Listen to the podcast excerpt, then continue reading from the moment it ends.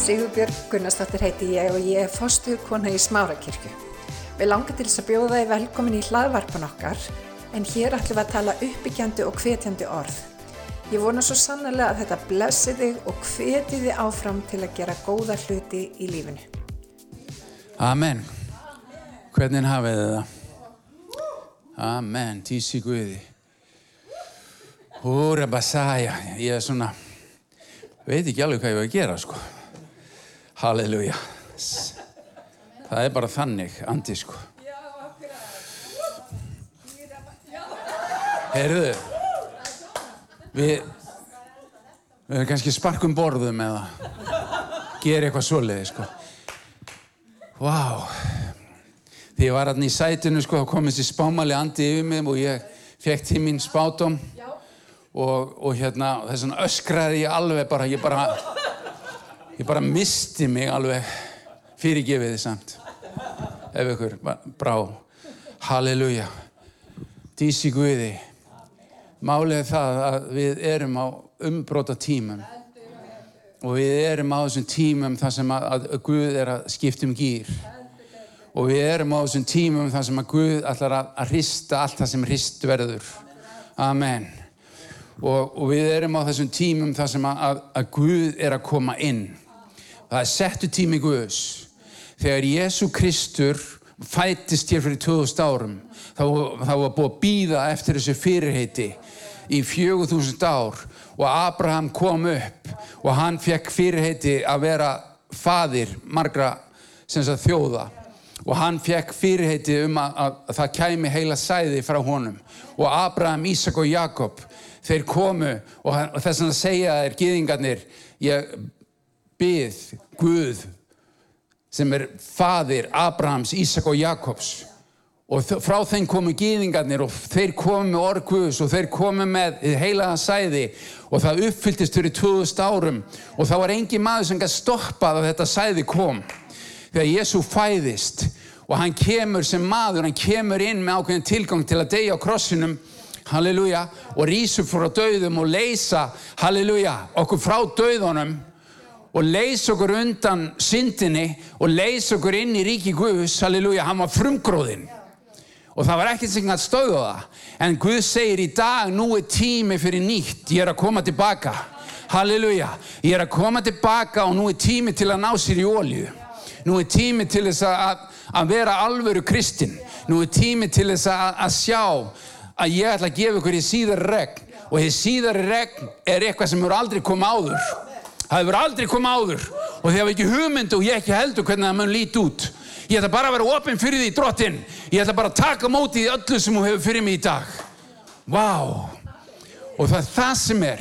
Og hann ætlar að snerta unga fólkið til þess að gera óvanlega hluti. Amen. Hann að fylgjast þið með unga fólkinu. Og styðjið við unga fólkið, þið sem eru orð, orðin eldri. Og hvetjuðu áfram. Vegna þess að Guð ætlar að nota unga fólkið. Amen. Dísi Guði, við þráum innstinni vakningu. Og það er allir innstinni að byggja um vakningu. Og það er allir að innstinni frelsaður og ófrelsaður að byggja um nærveru Guðs. Út af hverju? Að því við erum sköpu fyrir það. Guð skapa okkur. Þú veit ekki að funkara rétt nefnum og sért í nærveru Guðs. Og við erum sköpu fyrir eilíðina. Hér, þetta, þetta hér er bara við erum bara í heimsókn eru þið búin átt ykkur á því við eigum ekki heima hérna Inga, við erum að fara inn í eiliðina. Já. Amen. En þegar vakning kemur, þá skiptir máli hvað sittur eftir. Og til þess að vakning eigi sér stað, þá þurfum við byltingu. Þá þarf að gerast eitthvað rótækt. Amen. Dísi Guði. Og það byrjar á því að við fáum ofinberun á honum. Við fáum ofinberun á honum. Hvað hann er stór. Halleluja. Og ef að þú ert á slæmu stað, þá hefur ekki séðan. Það er að segja, ef þú ert á slæmu stað, andlega talað, ég er ekki að tala um hún sé í þrengingu eða eitthvað svo leiðis, heldur bara á slæmu stað andlega og þá hefur ekki séðan. Þú þekkir hann ekki. Amen. Því sí Guði. Nú er tími til þess að gera byltingu. Halleluja. Eitthvað rótækt og áður en Jésu kemur tilbaka þá endur reysir hann allt sem frumkirkjan hafiði en bara meira til. Amen. Það verður helgun, það verður aðskilnaður það verður fimmfaldar þjónustan. Amen. En það verður nýr vínbelgur. Það er að segja að þetta gamla trúræknismunstur spörkuði út. Halleluja, það þarf að deyja og ég ætla að fara í Mattius 3.11 að því ég er að tala um eldheila sanda ef þið hafið mistað því. Ég skýr ykkur með vatni til þess að þið takið sinnaskiptum þetta er Jóhannes skýrar sem er að tala. En sá sem kemur eftir mig er mér máttugri og er ég ekki verður að bera skó hans. Hann mun skýra ykkur með heilugum and og eldi. Það er ekki bara heilagur andi það er eldur og eldurinn er krefjandi bara, það skiptir allt um form þegar eldurinn snertur okkur. Þá brennur það sem að er drastl og hism og það hverfur og verður ösku. Eftir sittur gull, silfur og dýri steinar. Amen. Og svo heldur hann áfram. Hann, þar að segja Jésu Kristur er með varpskópluna í hendi sér og mun gjör hreins að lága sinn og safna kveiti sínu í hlöðu en hismi mun hann brenna í óslökkvandi eldi. Og nú er unga fólki að beða mig um tólkun á þessu. Og ég ætla að gera það að því ég veit að ég veit hvernig unga fólki er. Ég elska það þegar það segja hvað er þetta? Ég elska það. Og þá er hann að tala um að hann ætlar að gjör hreins að lágan eða þreskigólfið og þreskigólfið var, var flötu sem var gætt verið inni eða úti og hann var sléttur vegna þess að það er komið menn með uppskjöruna með kveitið, með kornininn sett á gólfið, röðið á gólfið og svo var bara tróðið von á því. Stundum voru dýrláttinn tróðið von á þessu. Og kramið. Og þá, hvað gerðist þá?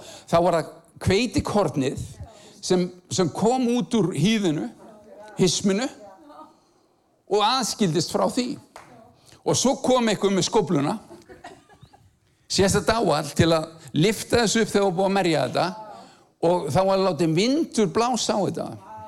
Og þegar það kom upp þá kom vindurinn og blés þessu létta hismi einskisfyrða og það aðskildist frá kveitinu þannig gerður þetta. Og hann, þess að, akkur segir hann þetta við okkur í dag Ha? Viltu fá eldin? Viltu fá eldin þá ert að fara í gegnum mulningsvélina. Halleluja. Það ert að bara vera í loftinu bara og, og láta vinda heila sanda blásum þig til að blása burtu drastlinu og þú veist undum ekki hvað er í gangi í Guðsríkinu. Akkur allir svona vondi við mig? Guð er að blása þig. Halleluja. Halleluja. Ríkasrabæja, við vindar heila sanda, þeir, þeir undirbúa brúðina með ekki bara nærvöru sinni, heldur líka með þrengingu og með því að kremja hana. Þetta hljóma mjög vel. Halleluja. Og það er sem sagt bæði dýrð og það er líka þrenging. Halleluja. Svo eitt sagði þegar var ráðist á hann og hann var eitthvað lasmælt af djöbladýrkanda. Já, kontum með meira. Þetta er bara dýr sem að fylgir. Þeir fá ofsóknir.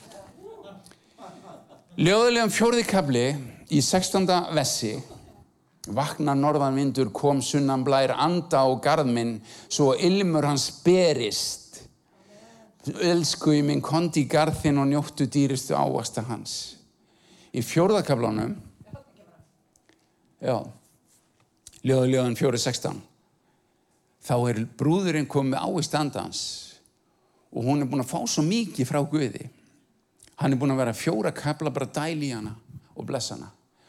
Og svo segi, en hún er tilbúin að taka móti í norðavindinum, kuldónum, auðmíktinni halleluja, dauðanum sem kemur norðanvindinum, vetrinum og hún líka tilbúin að taka móti sunna, sunnanvindi sem er heitur vindur.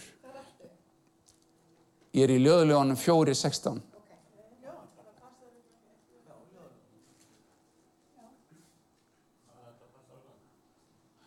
Uh, þetta vest passar ekki. Ég var að lesa þetta vest 4.16. mm -hmm. Halleluja Er ykkur stjórn á þessu náttúrulega? Já, ok, það er fremd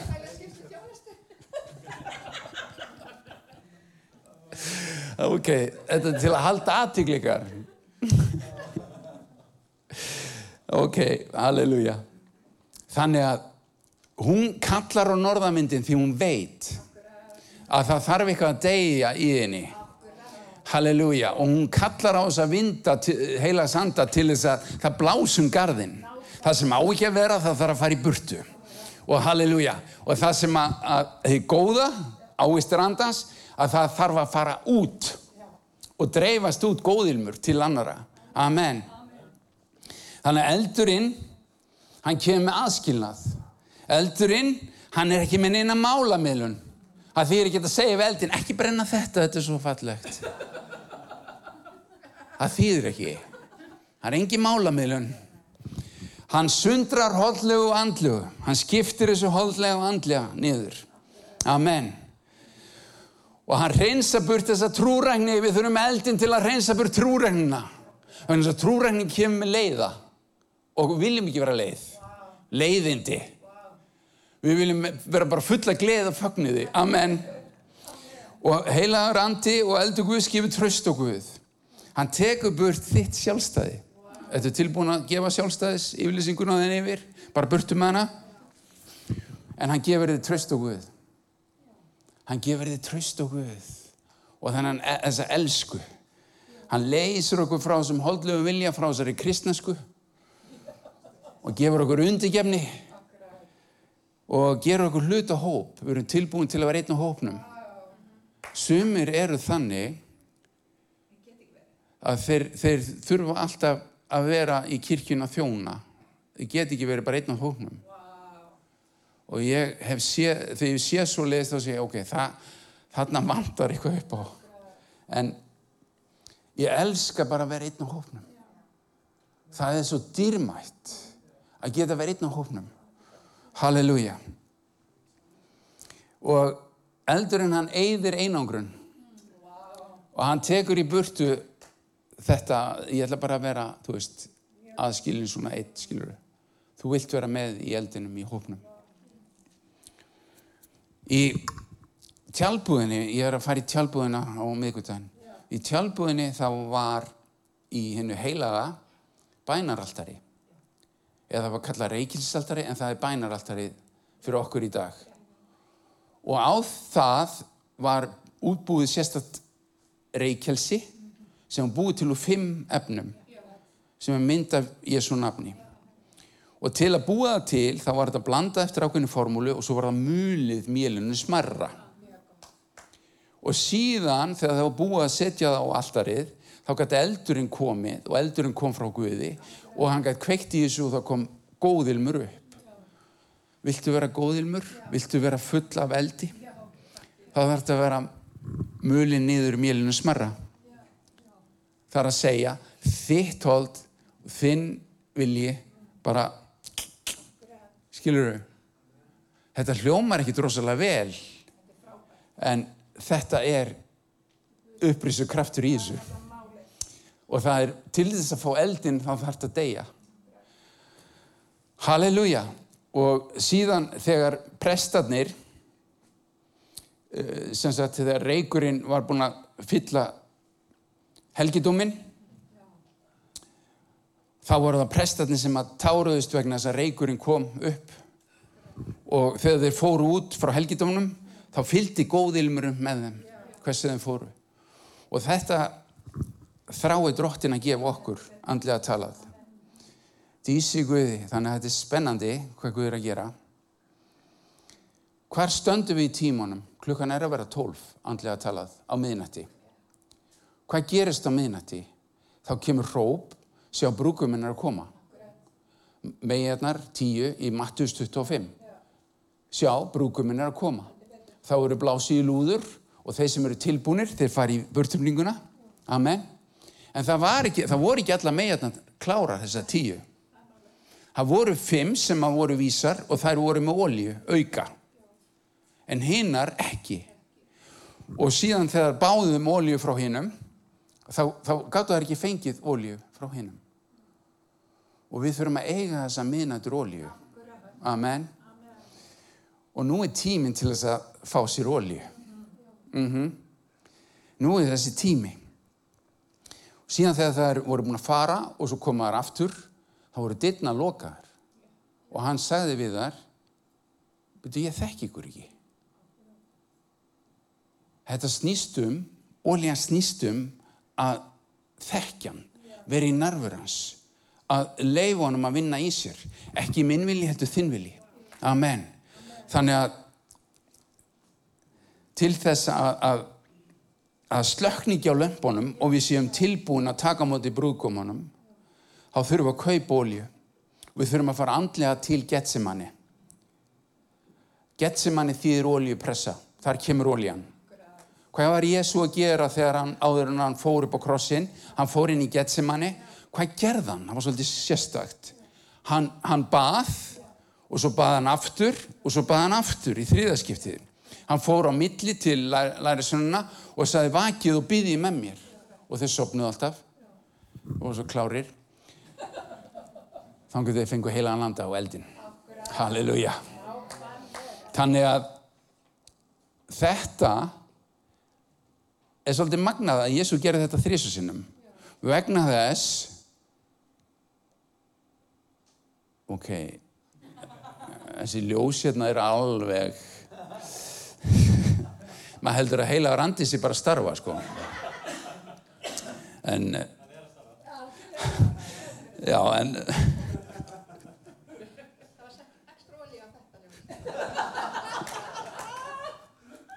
Grein, greinilega eitthvað. Halleluja. En þegar menn á dögum Jésu voru að taka ólíuna, þá tókuður á haustin, september, þá tókuður ólífubyrinn á trjánum og þess, þeir tókuð þessi ber og þeir settu það og krömdu það. Og það var kramið fyrst, svo sett í körfur og í körfunum var, var þetta pressað, safum var pressaður úr eða ólían var pressað úr og það var gert þrísvar. Fyrsta óljan var best og hún var helgu guði og hún fór inn í mustirið í þjónustuna. Mm -hmm. Og síðan kom ólja aftur og síðan kom þriði óljan. Það kom þrísvar. Þannig að Jésu var í raun og veru bara að uppfylla þetta hvernig þú fær óljuna. Þannig að þetta er ekkert svona, hvað maður að segja, eitthvað tilvílinn hann gerði þetta. Þetta var með tilgang. Og hann var þarna í sko örvæntingu. Það var búið að leggja á hann syndir heimsins og hann var að fara í gegnum erfiðan, erfiða raun. Fara í gegnum krossin. Og hann er þarna að byggja og hann er, hann er svona með blóð og svita og þá ertu á virkilega kramin sko. Skiljiði mig. Og ef að, ef að við förum í gegnum þessa pressu heila sanda og ef að við förum í gegnum þessa bænaneið, ef við bara pressum í gegn, halleluja, að sko, pressa heila sanda gefur okkur tár, gefur okkur auðmíkt og gefur okkur auðundikefni. Og þessar þrengingar sem við förum í gegnum og þessi pressa, hún þroskar okkur og, og hjálpa okkur að vaksa í Guði. Það er bara spurning hversu vel við kunnum að þjást. Það er að segja, þegar þú ferði gegnum þrengingu eða í gegnum svona pressu, þá, þá er það spurning hvort að þú verði bitur, reyður eða með ásökun, er honum með hennakenna eða þessum kringustöðum eða eitthvað annað. Þetta er spurning hvað þú gerir. Og þegar Guð talar, þá talar hann oft eitthvað yfir þig, eitthvað, eitthvað sem á að verða, eitthvað draum eða, eða spátum eða eitthvað annað. En hann segir ekki olíupressuna sem þú þarf að vera í gegnum til að eignast þetta. Sem betur verð. Jósef fekk drauma um upphæðaða drauma.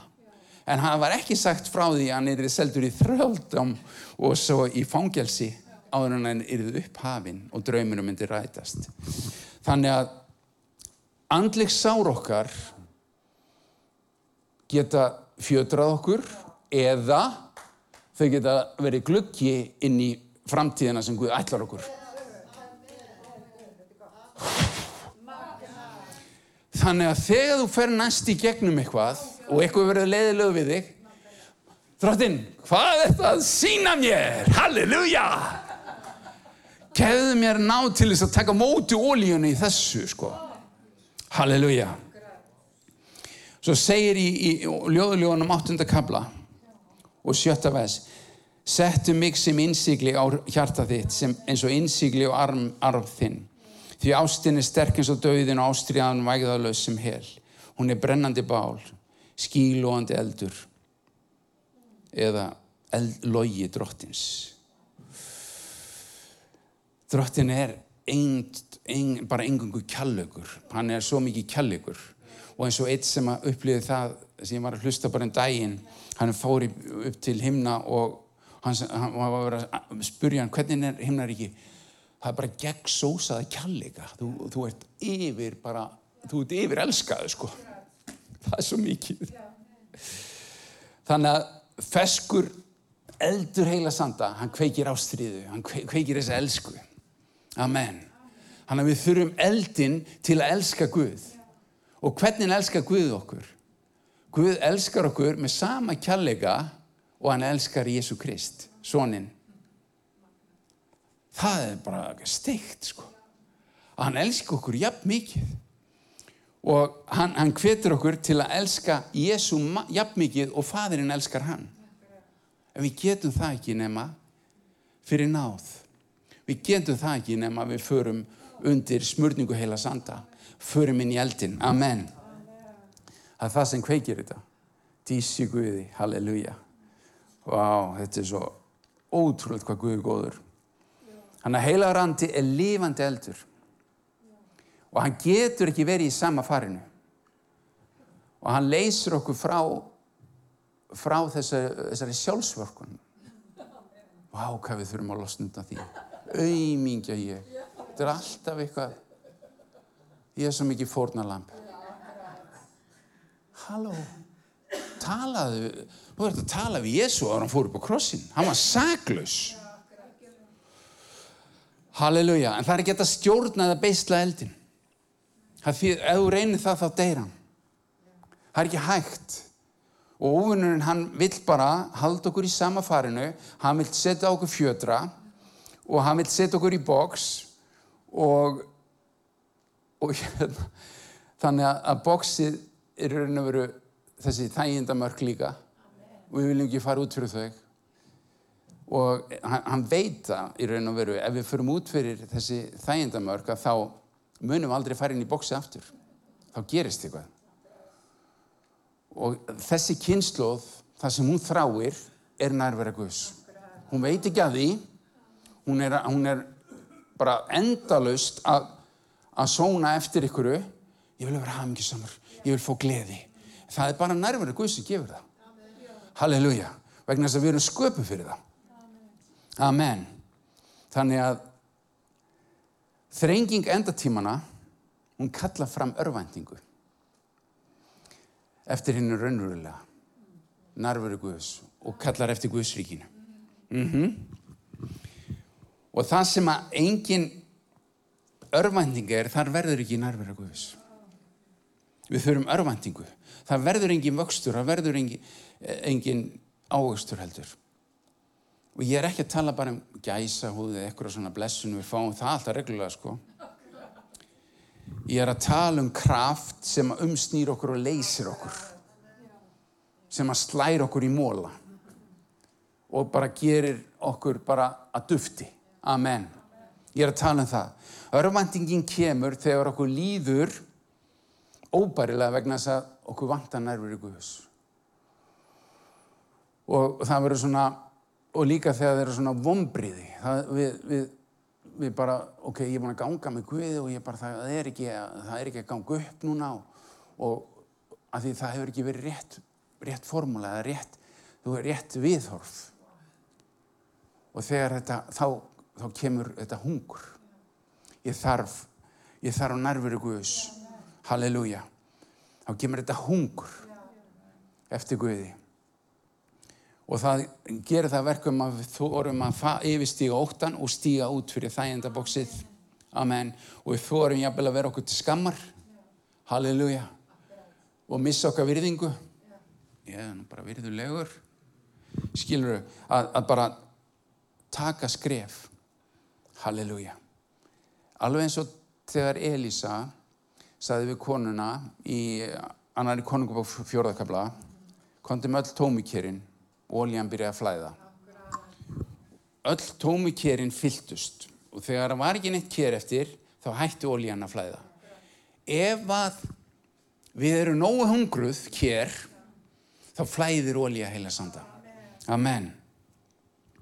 Þannig að drottin hann, vil, hann elskar að koma með olju sín og fylla á kérinn. Halleluja. Dísi Guði. Andi Guðs, hann vil leið okkur á nýjan stað í dag. Hann vil leið okkur út í eðimörkina. Hann vil leið okkur út fyrir þar sem við erum að leita Guðs inn í bænina. Þar sem við tökum okkur frá. Hann vil leið okkur þar sem er ekki þessi trublun. Þar sem er ekki þetta að, að sem sagt, já, bara trubla okkur, hitt og þetta. Og það er staður bænarinnar, það er ofinbrunn í orðinu og við sjáum hvernig Jóhanni skýrari kemur út úr eðumerkinni eftir átján ár sem eldpredikari. Hann fekk bara átján mánuði í þjónustu og það var nóg, skiluru. Þetta snýst ekki um þjónustuna, þetta snýst um sambandi við hann. Amen. Þannig að eðumerkin tegir okkur yfir mannleg mörg og svo förum við yfir Jórdan eftir 40 ár eins og Ísraelsmenn 40 er bara reynsla. Hvað er í hjartaðinu ertu tilbúin að halda orð Guðs? Ertu tilbúin til þess að velja Guð? Amen. og þegar þið fór yfir Jórdan sem er myndið auðmygt og láta sinn vilja niður degja sínum mannlega vilja og leifa Guð að starfa Amen.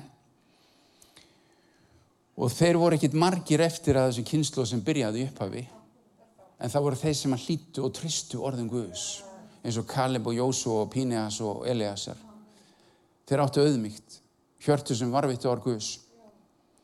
Núna er tíminn til þess að velja.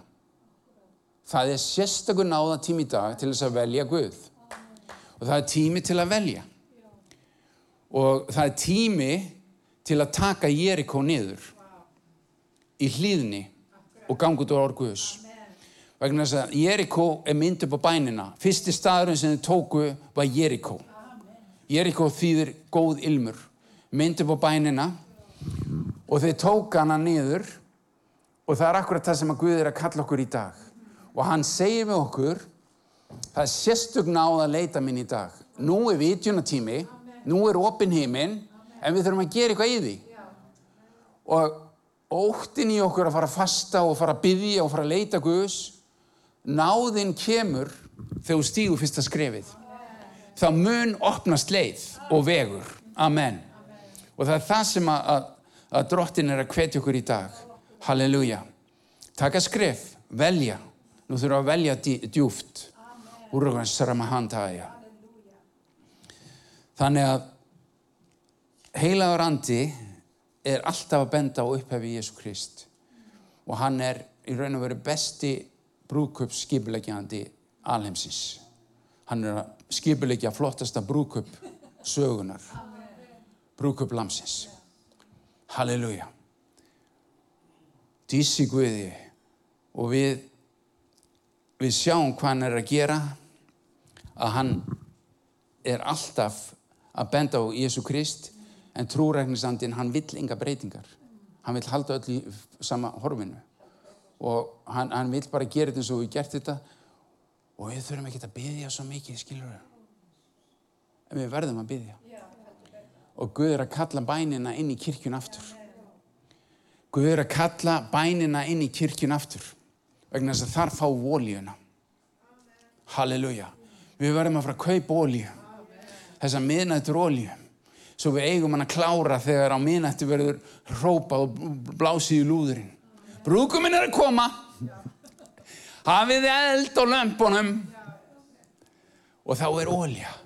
Halleluja. Vegna þess að við höfum kipt hana í, í narveru Guðs. Halleluja. Allar vakningar og þessar byltingar hafa byrjað með bæn og föstu. Og bara fyrir 2000 árum þá voru þeir í lofstofunni og þeir vissi ekki hvernig þetta fyrra regn myndi vera þegar tungutali kom og heila randi fylti. Og þeir vissu það ekki en þeir byggði eftir því. Halleluja. Og síðan þegar vakningin í Wales í Englandi í 1904 þegar hún var hún byrjaði ekkert með bara allt í einu skilur og það var bara allt í einu fúf það var ungu maður Emma Roberts sem var að byggja þrjá mánuði hverri nóttu frá 1 til 5 fjóra tíma í bæna neyð. Það leiti ekkit vel út.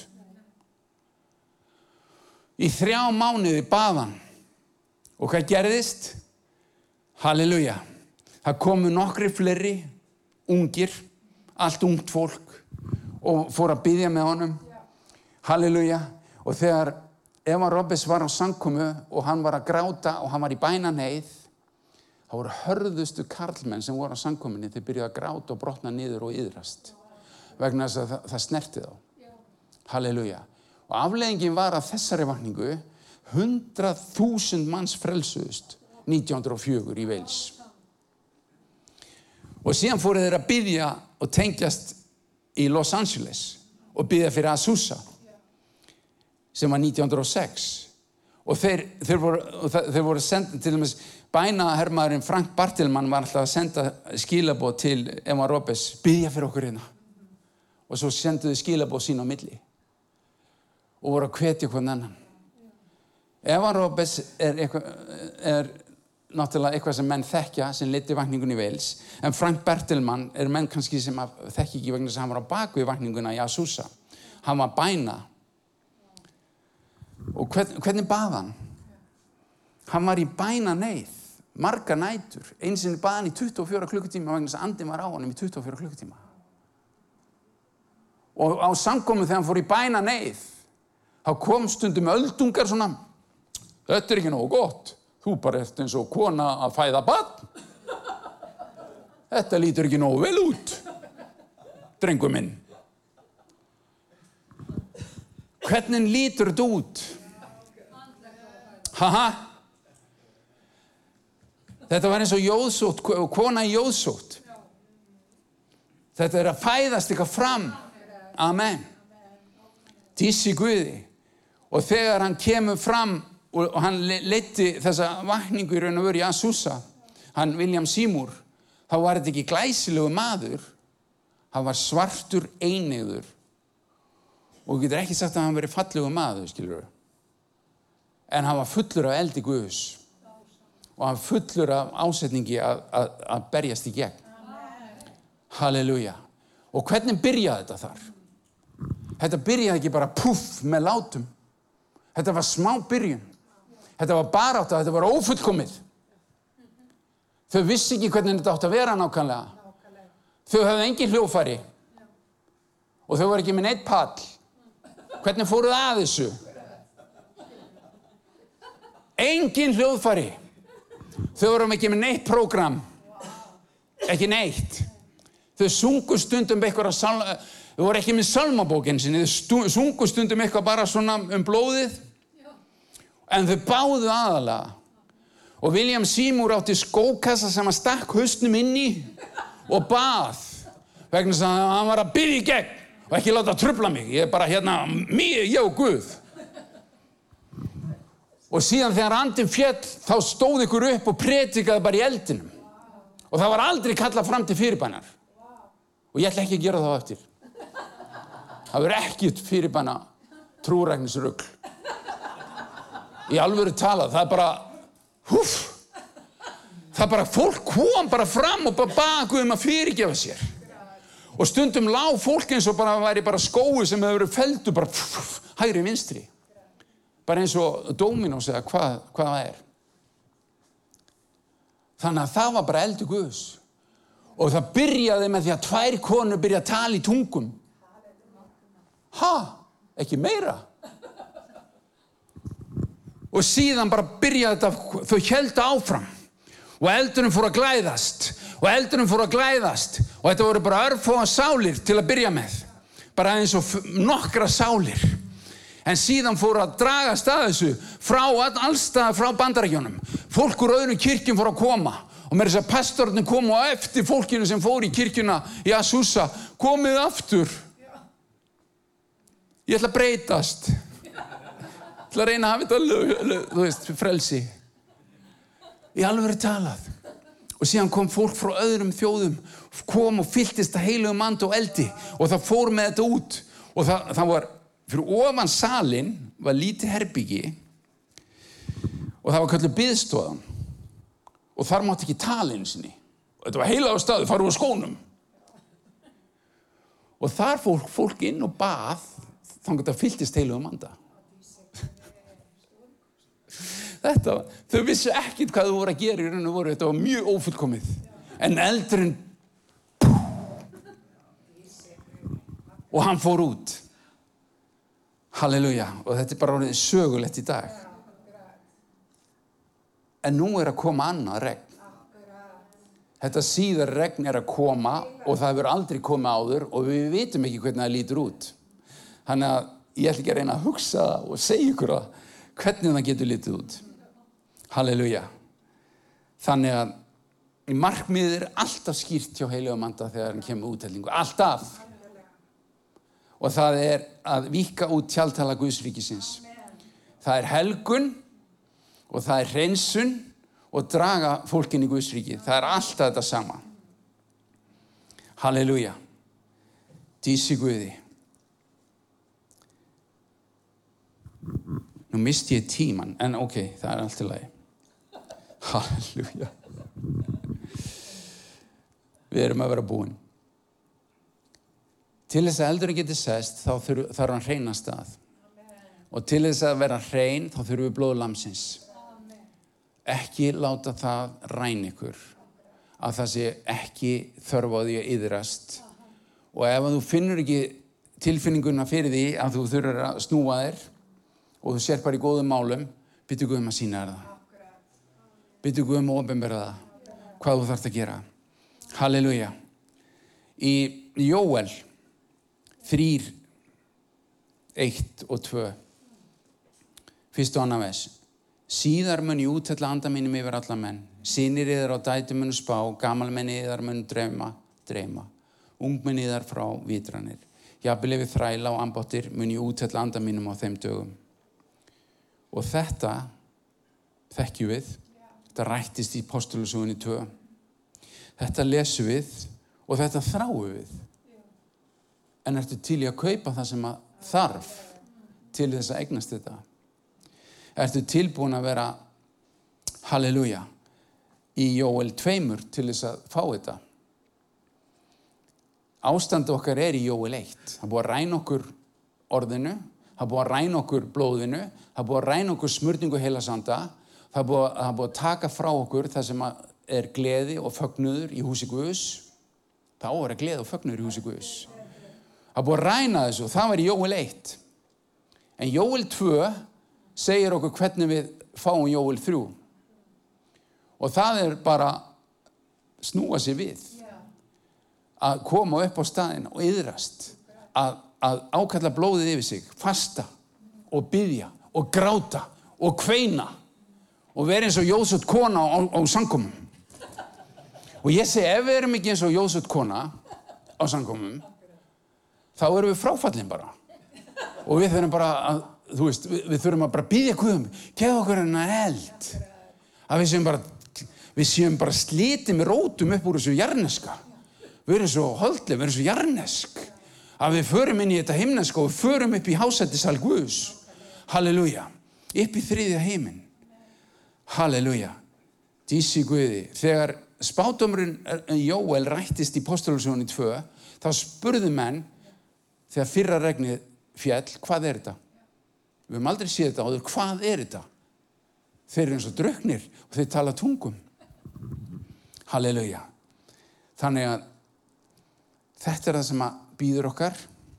Það verður spurt þegar síðar regnir fellur. Hvað er að gerast? Hvað er að gerast í smárakirkju? Hvað er að gerast í kirkjónum í Íslandi? Hvað er að gerast í kirkjónum um, um allan heim? Halleluja. Og það mun draga fólk að. Halleluja. Vegna þess að á endatímanum þá verður yngi svör. Á endatímanum þá hefur fólk ekkit sko tröst. Það verður allt skekið. Það getur ekki flúin einstakar. Og þá skiptir máli að eiga atkvarf og tröst á Guð.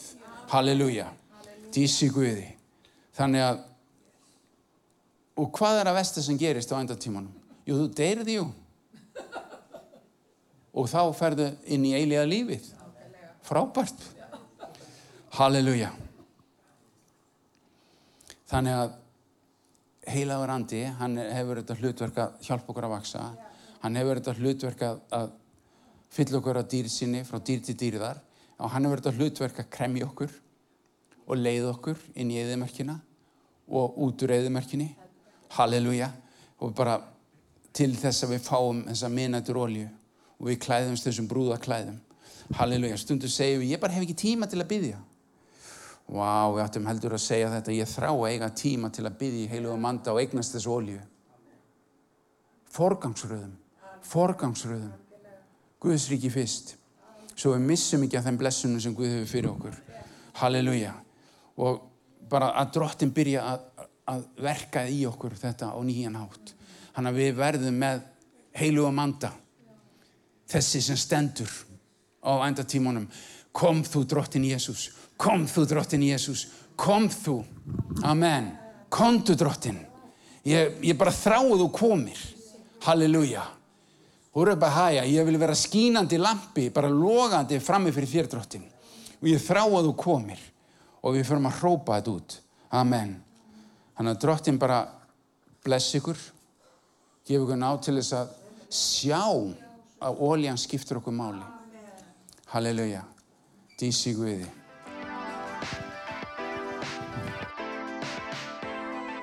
Ég hveti til þess að stilla inn á okkur með reglum hætti því að hér verður alltaf eitthvað nýtt á nálinni. Takk fyrir að hlusta.